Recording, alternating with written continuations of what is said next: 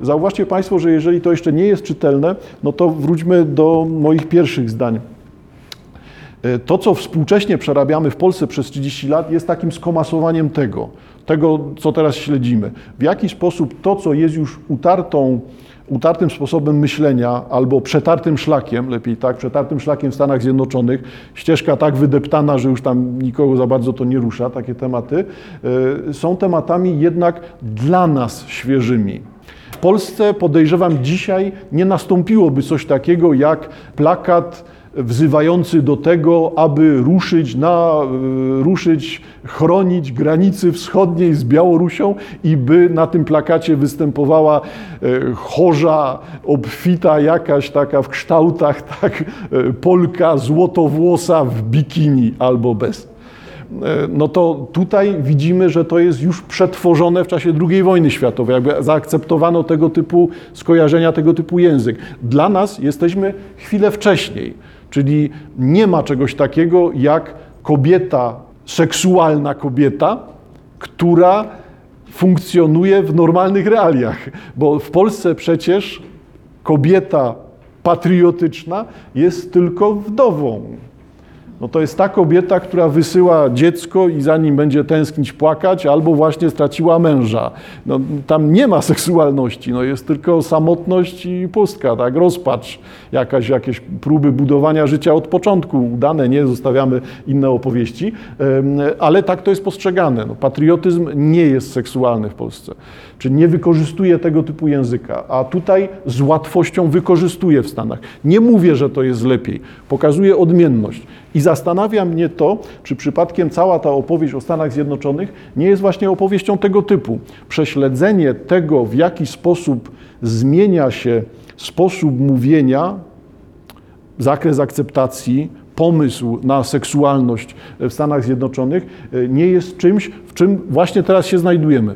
I to jest właśnie jeden z tych momentów. W Polsce dziewczyna w bikini i co, zawinięta w flagę biało-czerwoną, ach, no mamy murowany skandal. Nie, po prostu nie zadziała. Prowokacja, to jakieś obrażają nas i, tak dalej. E, no ale zauważcie Państwo tu, że no, tutaj akurat ta dziewczyna lecąca z bombą e, ma tylko symbol symbol lotnictwa Stanów Zjednoczonych, wojennego lotnictwa, e, ale tego typu dziewczyny zawinięte w sztandary widzieliśmy chociażby przed chwilą w czasie I wojny światowej. Też jako ta dziewczyna, która jest personifikacją całych Stanów i trzeba mm, za nią oddać życie. Sytuacja będzie w Stanach zmieniała się bardzo wyraźnie i teraz Państwo zauważcie, trudno mi jest powiedzieć, w którym miejscu widzę bardzo wyraźną zbieżność Polski, to znaczy w którym momencie mogę powiedzieć, że to jest ta chwila, kiedy my jesteśmy, w której my jesteśmy w Polsce i to jest to, co było przerobione w Stanach. Filmy Texa Everego rzeczywiście bardzo znane w swoim czasie, współcześnie raczej, raczej pomijane, e, czyli taka e, pomysł na pokazywanie różnic pomiędzy kobietą a mężczyzną, czy napięć takich seksualnych między kobietą a mężczyzną e, w postaci budowania pewnych archetypów, czy ilustracji archetypów. Kobieta jako niewinny czerwony kapturek, ale pokazywana ewidentnie w jednoznacznie seksualnych, czy też erotycznych kontekstach. No i mężczyzna podobnie, czyli mężczyzna jako to wcielenie wilka. Filmy z II wojny światowej, ale pojawiające się już te wydarzenia e, po II wojnie światowej, chociażby tutaj mamy reklamę Chesterfieldów z okresu II wojny e, i taka postać propagandowa w Stanach, e, Wanda Spawaczka, czyli ta kobieta, którą my raczej rozumiemy z cyklu tak, kobiety na traktory, coś takiego, no to tutaj mamy właśnie ilustrację zmian zachodzących w rozumieniu seksualności kobiecej. Już nie ma, to nie są histeryczki.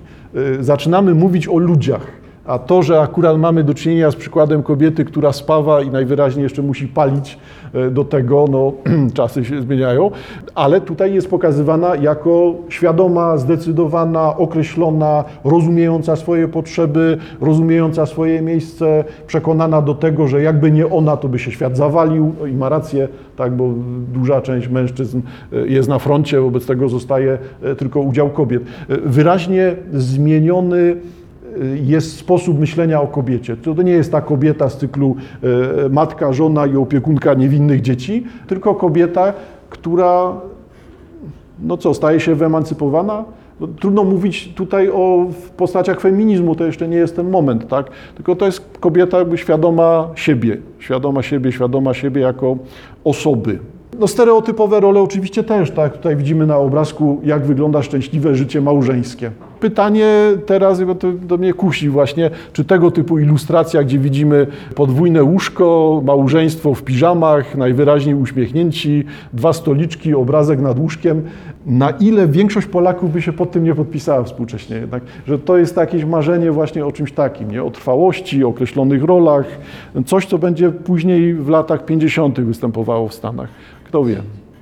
No i mamy, proszę Państwa, zmiany, tak? Zmiany, które dotyczą tego, że kobiety przejmujące władzę w Stanach to są, no już bardzo szeroko powiedziałem, tak, bo to jeszcze musimy trochę zaczekać na obecność kobiet w polityce, e, ale to są kobiety z jednej strony świadome siebie, ujawniające siebie, a z drugiej strony dalej mnie zastanawia to, na ile jest to zaspokajaniem oczekiwań męskich. W przypadku książki Petersena, tego stulecia seksu, to jednak głównym motywem jest to zdobywanie wiedzy o sobie przez odkrywanie seksualności, przez otwarcie na seksualność.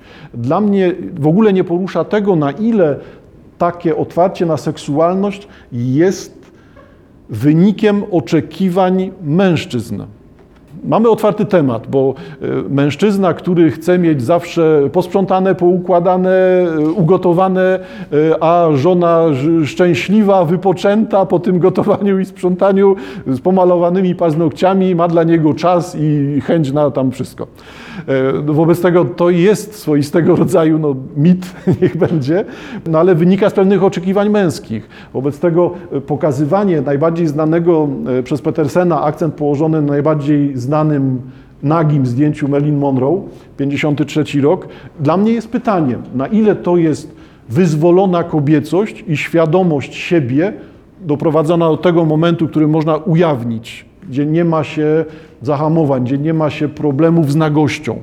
E, a na ile z kolei jest to jednak rynek, tak?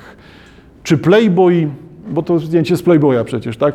Czy Playboy był autorem rewolucji seksualnej, czy Playboy, Playboy jako czasopismo był udanym wstrzeleniem się w zapotrzebowanie? Że o to chodziło. Na tym to polegało, żeby dać po wojnie mężczyznom gazetę, którą kupowali po to, aby czytać recenzje muzyczne. I tam były wyjaśnienia, jak obsługiwać sprzęt audio co tam nowy głośnik kupiłeś. Tylko no, to takie naiwne przekonanie, tak? bo i tak czy się brało do ręki Playboya, to jednak rozwijała się ta rozkładówka, którą tutaj widzimy, no i tam żaden mężczyzna chyba nie zaczynał od czytania recenzji muzycznej. Ale ciekawą rzeczą jest również tutaj to, zauważcie Państwo, w 1956 roku pojawia się przykład czasopisma Bizarre i to jest już coś, co dotyczy następnych etapów rozwoju tego sposobu myślenia o seksualności w Stanach. Czyli to już nie jest e, naiwny, no w rzeczywistości naiwny tak, wizerunek e, Marilyn Monroe, tylko mamy do czynienia już ze specjalizacją, tak to bym nazwał. Czyli wszelkiego rodzaju odmiany seksu zaczynają istnieć w przekazie masowym. Nie są niszą. To nie chodzi o bycie, e, bycie homoseksualistą, bo to istnieje od stuleci. Tutaj pojawiają się już na równi opowieści dotyczące wszelkiego rodzaju zapotrzebowań seksualnych. No, Bizar zgodnie z tytułem tak dziwaczny, odmienny, to już pokazuje wszystko, co jest związane chociażby z sadyzmem, masochizmem, fetyszyzmem w wielu postaciach. Rzeczywiście temat pojawia się w latach 50., no w latach 60., 70. będzie już tematem mocno eksploatowanym.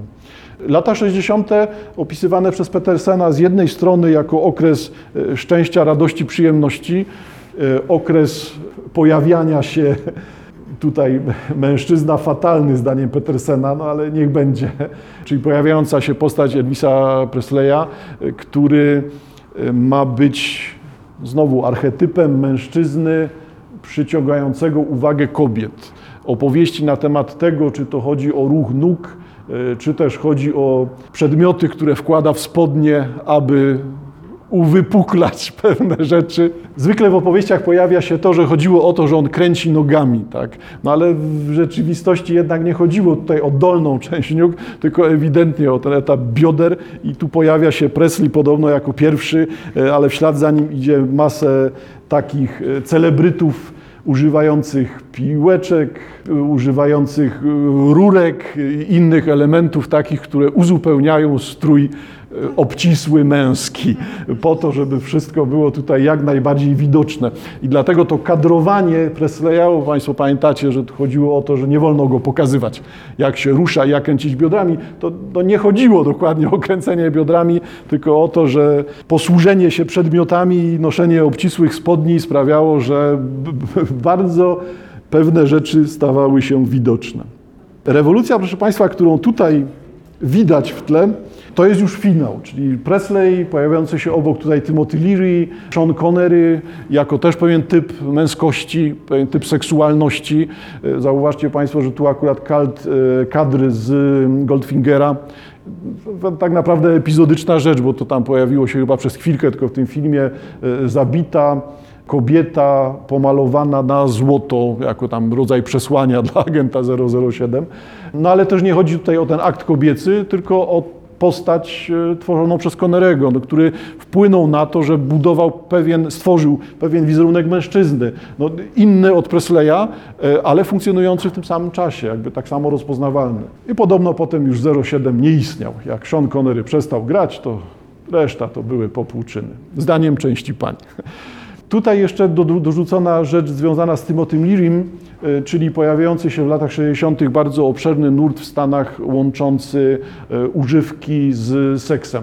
E, nie chodzi o ten, to połączenie czasy prohibicji, alkohol i seks i jazz.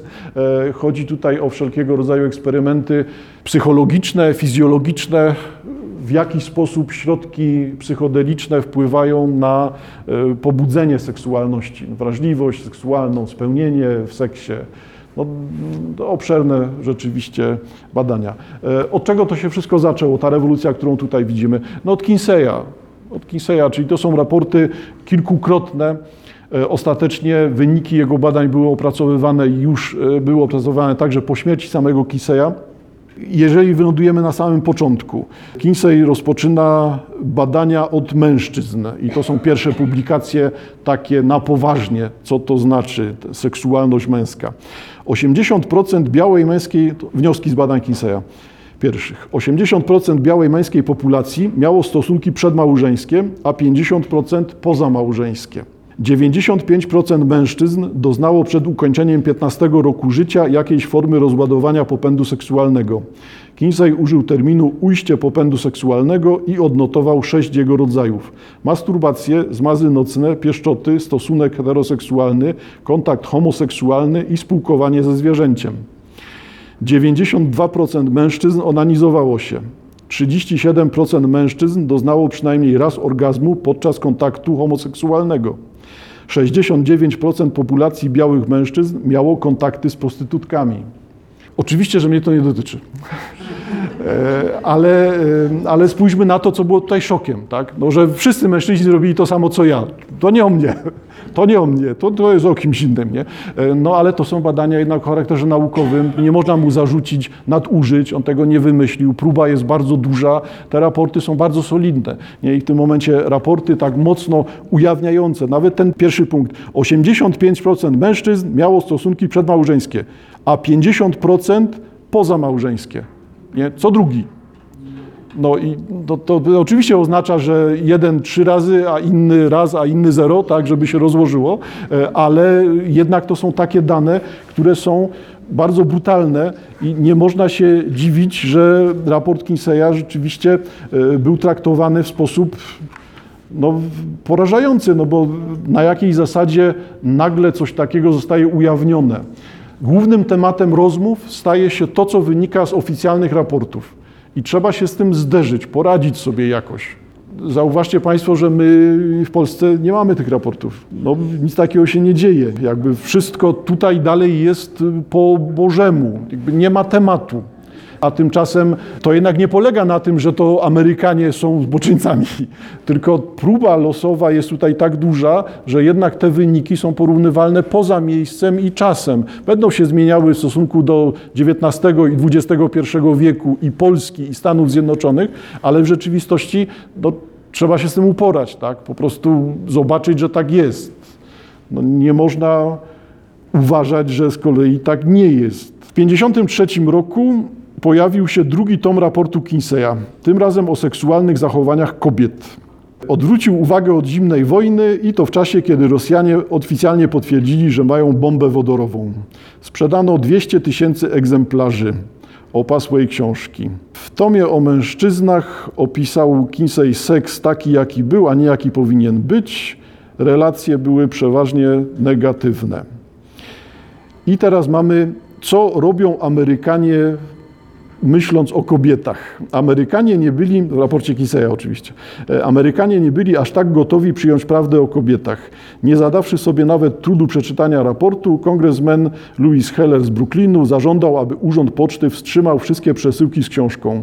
Potępił Kinseya za rzucanie zniewagi stulecia naszym matkom, żonom, córkom i siostrom. Zagroził śledztwem w, inspekcie, w Instytucie Badań Seksualnych, twierdzą, że Kinsey e, przyczynia się do deprawacji całego pokolenia, do utraty wiary w ludzką godność i przyzwoitość, do rozprzestrzeniania się przestępczości wśród młodocianych i do nieporozumień i zamieszania wokół spraw seksu. A Hoover założył Kisejowi teczkę. Czyli jako ten. E, chodziło tutaj o to, że dla części purytanów tak, czy konserwatystów, jeżeli ktoś w Stanach w latach 50., 60. zajmuje się seksem, to jest agentem sowieckim bo to musi być komunista. Kinsey analizował kobiety, zauważył, że jednym ważnym wskaźnikiem zachowań seksualnych była data urodzin. Kobiety, które urodziły się przed rokiem 1900 były moralnie bez zarzutu, natomiast te, które dorastały w latach 20. należały do odmiennego gatunku. Gorąca młodzież ery jazzu rozpaliła seks. Wzięło w nich 99 na 100 kobiet wzięło w badaniach 99 na 100 kobiet urodzonych pomiędzy 10 a 29 rokiem. Dalej o kobietach. E, uważaliśmy, że sztywne kobiety z epoki wiktoriańskiej, zakryte od stóp po szyję, były zbyt wstydliwe, aby uprawiać seks przy zapalonym świetle. I faktycznie Kinsey stwierdził, że jedna trzecia kobiet urodzonych przed rokiem 1900 kochała się w ubraniu, ale już tylko 8% młodszych kobiet nie zdejmowało przed stosunkiem płciowym koszul nocnych.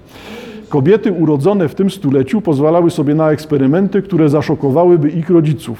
Doświadczyły wszystkiego od pettingu przez pocałunki z języczkiem do seksu oralnego. Podczas gdy kobiety, które urodziły się przed przełomem wieków, zachowywały dziewictwo, 86% niezamężnych kobiet wieku 25 lat było dziewicami, to kobieta współczesna była bardziej zdolna pójść na całość. W wieku 25 lat jedna trzecia niezamężnych kobiet pozbawiona już była dziewictwa. Kinsey odkrył ogromną krainę seksu przedmałżeńskiego. Połowa z zamężnych kobiet straciła dziewictwo, zanim zabrzmiały weselne dzwony. Niemal połowa z nich uprawiała seks z narzeczonymi, dzięki czemu stosunki te naprawdę zasługiwały na nazwę przedmałżeńskich, ale niektóre nie ograniczały się do mężczyzn mających w przyszłości zostać ich mężami. Jedna trzecia odbywała stosunki z dwoma, trzema, czterema lub pięcioma partnerami, a 13% z sześcioma i więcej. Natomiast wśród żonatych mężczyzn do stosunków przedmałżeńskich przyznawało się około 85%.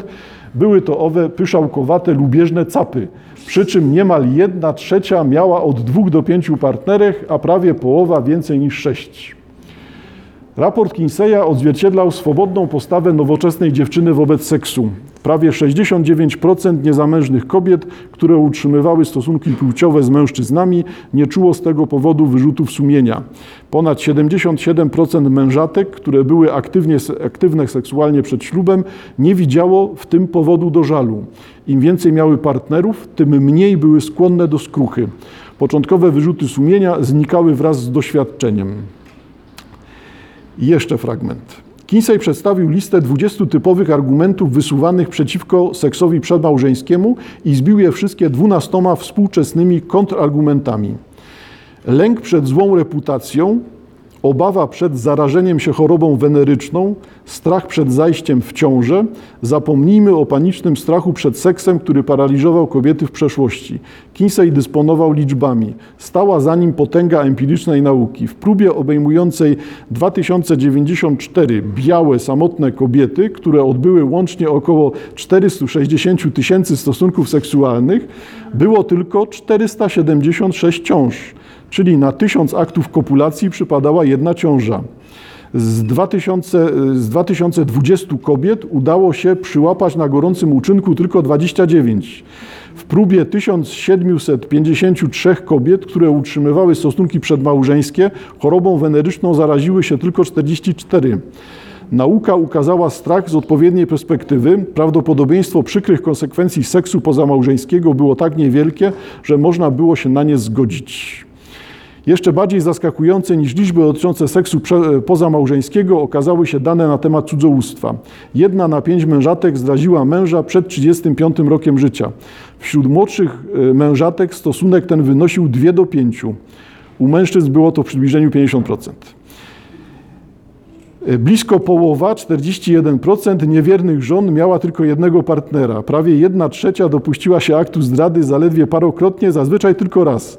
Niewierność oprócz rzadkich zdarzeń była niezamierzona, a często dochodziło do niej przypadkiem. Mąż wyjechał w podróży służbowej, w tym czasie wpadł przyjaciel oddać pożyczone kije do golfa, wypił z żoną kilka drinków i wtedy szczęknął arytmometr Kinseya, czyli zaliczyło to tą zdradę. Jak widać tutaj nie ma takich rzeczy tak jak wspominałem, czysto technicznych. Jakie jest podsumowanie? Sędem drugiego raportu Kinseya jest porównanie wrażliwości seksualnej mężczyzn i kobiet. Seksuolog potraktował obie płci jednakowo według tych, tych samych kryteriów. Zestawienie 33 związanych z seksem czynników psychologicznych wykazało, że mężczyźni osiągają wyższe wyniki w niemal każdym wypadku. Kobiety przeważały jedynie w trzech kategoriach, a mianowicie, jak się zdaje, podniecała je romantyczna literatura, sceny miłosne w filmach i ukąszenia podczas stosunku seksualnego. Apel Petersena, że mamy to sprawdzić sami. Mężczyźni częściej niż kobiety reagowali pobudzeniem erotycznym na widok przedstawicieli płci, przedstawicielek płci przeciwnej, zdjęcia, rysunki, obrazy nagich kobiet, widok własnych genitaliów, narządów płciowych kobiet, striptease, oglądanie innych osób uprawiających seks, filmy przedstawiające sceny erotyczne, widok parzących się zwierząt i na zapalenie światła w celu oglądania siebie podczas stosunku seksualnego. Mężczyźni stuli fantazję o płci przeciwnej podczas masturbacji, snów, czytania, pisania e, utworów pornograficznych. Byli mniej podatni na bodźce odwracające uwagę podczas stosunku płciowego, a za to łatwiej podniecali się opowiadaniami i rysunkami erotycznymi. Byli bardziej skłonni do rozmów o seksie, co wykazały zastanawiające dane statystyczne, z których wynikało, że większość kobiet dowiedziała się o masturbacji dzięki własnym odkryciom, to cytat z badań, podczas gdy mężczyźni czerpali o niej wiadomości z rozmów lub źródeł drukowanych. Mężczyźni częściej też, mężczyzn częściej też pobudzały opowieści sadomasochistyczne. I oczywiście mężczyźni chcieli mieć dom i rodzinę, ale jeżeli małżeństwo miałoby oznaczać brak seksu, to kobieta, kobieta mogła o nim zapomnieć. No i podkreślenie, że wielkie odkrycia to to nie były. Nie było to tak szokujące, jak się można było spodziewać. No, gdyby nie to, że raporty Kinseya, no dobrze, no zdaniem e, Petersena, czy też zdaniem Hefnera, e, raporty Kinseya e, są samym środkiem, tym, tym, głównym momentem, w którym następuje zmiana, czyli rewolucja seksualna to Kinsey. Rzeczywiście pojawiło się w ostatnim czasie masę filmów do, korzystających z tego, pokazujących postać, postać chociażby samego Kinseya, ale nie do tego zmierzam. E, zmierzam do tego, że rewolucja wywołana tym raportem to jest coś, co dopiero ma następować. Tutaj się jeszcze nic takiego nie dzieje. Nie zmieniło się tak wiele w głowach ludzi, co jest natomiast bardzo wyraźną zmianą. Nastąpiło skodyfikowanie, umocnienie, obwarowanie tego obozu, który jest przeciwko seksualności. I tu rzeczywiście raporty Kinseya zrobiły rzecz bardzo wymierną, czyli doprowadziły do tego, że mogła powstać lista, nie? że to wszystko jest nieprawda, że ludzie są dobrzy, że kobiety są zawsze wierne, a mężczyźni też zawsze wierni i posłuszni i niczego złego nie robią. No to w ten sposób można było zbudować wizerunek, który był przeciwko Kinseyowi i ten wizerunek rzeczywiście był stworzony i podjęty, tak? Czyli łatwo zrobić na podstawie Kinseya listę nie tego, jacy jesteśmy, tylko zbudować wizerunek, model, jacy chcemy być albo ja, za jakich mamy uchodzić. Więc jest to rodzaj swoistego no, kłamstwa. Jeżeli odrzucimy te dane Kinseya, powiemy, to wszystko jest nieprawda, no to w tym momencie jesteśmy przeciw rzeczywistości, jakby przeciw danym. Ale w ten sposób możemy stworzyć ten wizerunek, który też jest mocno zakorzeniony w Polsce. Tak, że Polska to kraj, gdzie nie ma seksu, ale, znaczy, przepraszam, jest seks, ale tylko wtedy, kiedy mają być dzieci i tylko wtedy, gdy te dzieci będą patriotami, bo chodzi o patriotyczną działalność kobiet i mężczyzn. To jest taki współcześnie rozpowszechniony model. Tylko właśnie ten model jest dokładnie taki sam. No, to, to jest przerażające, że jeżeli tak na to popatrzymy, to co robi do czego zachęca Kinsey? Trzeba go zniszczyć, Kinseya, dlatego że to jest konformizm w sferze zachowań seksualnych. Równie niezbędny dla stabilności społeczeństwa, jak konformizm w odniesieniu do własności, codziennych kontaktach jednostek i grup. W każdym społeczeństwie rzadko poddaje się wątpliwość to, co uważa się ogólnie za dobre, a co za złe. Ze wszystkich praktycznych powodów to dobro jest absolutne. Tak jest to w naszej tradycji. I w tym momencie następuje właśnie ta, ta kodyfikacja, umocnienie obozu przeciw seksu, seksowi. Niestety to jest znowu ten moment, kiedy w ostatnim zdaniu zaczyna to być rzeczywiście bardzo zależne. Czyli ta sytuacja, którą widzimy w Polsce, takiej podwójnej opowieści, że albo jesteś zboczeńcem i homoseksualistą, bo tak to ląduje, mówisz o seksie, znaczy jesteś z LGBT pewnie i jesteś na pewno tym komunistycznym agentem, tak. To jest ta jedna część, a ta druga część to jest właśnie ta część czystość, szlachetność, doskonałość, ale to jest taka fałszywa gęba, tak, tak bardzo jest to na siłę zrobione, że, że powinno boleć. No ale zauważcie Państwo, że jednak nie boli. To są bardzo wyważone stanowiska. Tutaj to nie polega na tym, że coś, że ktoś woli być okłamywany, a ktoś woli e, być tą stroną kłamiącą. Tak? E, to, to nie jest to starcie. Obie strony są tak samo przekonane o swoich racjach.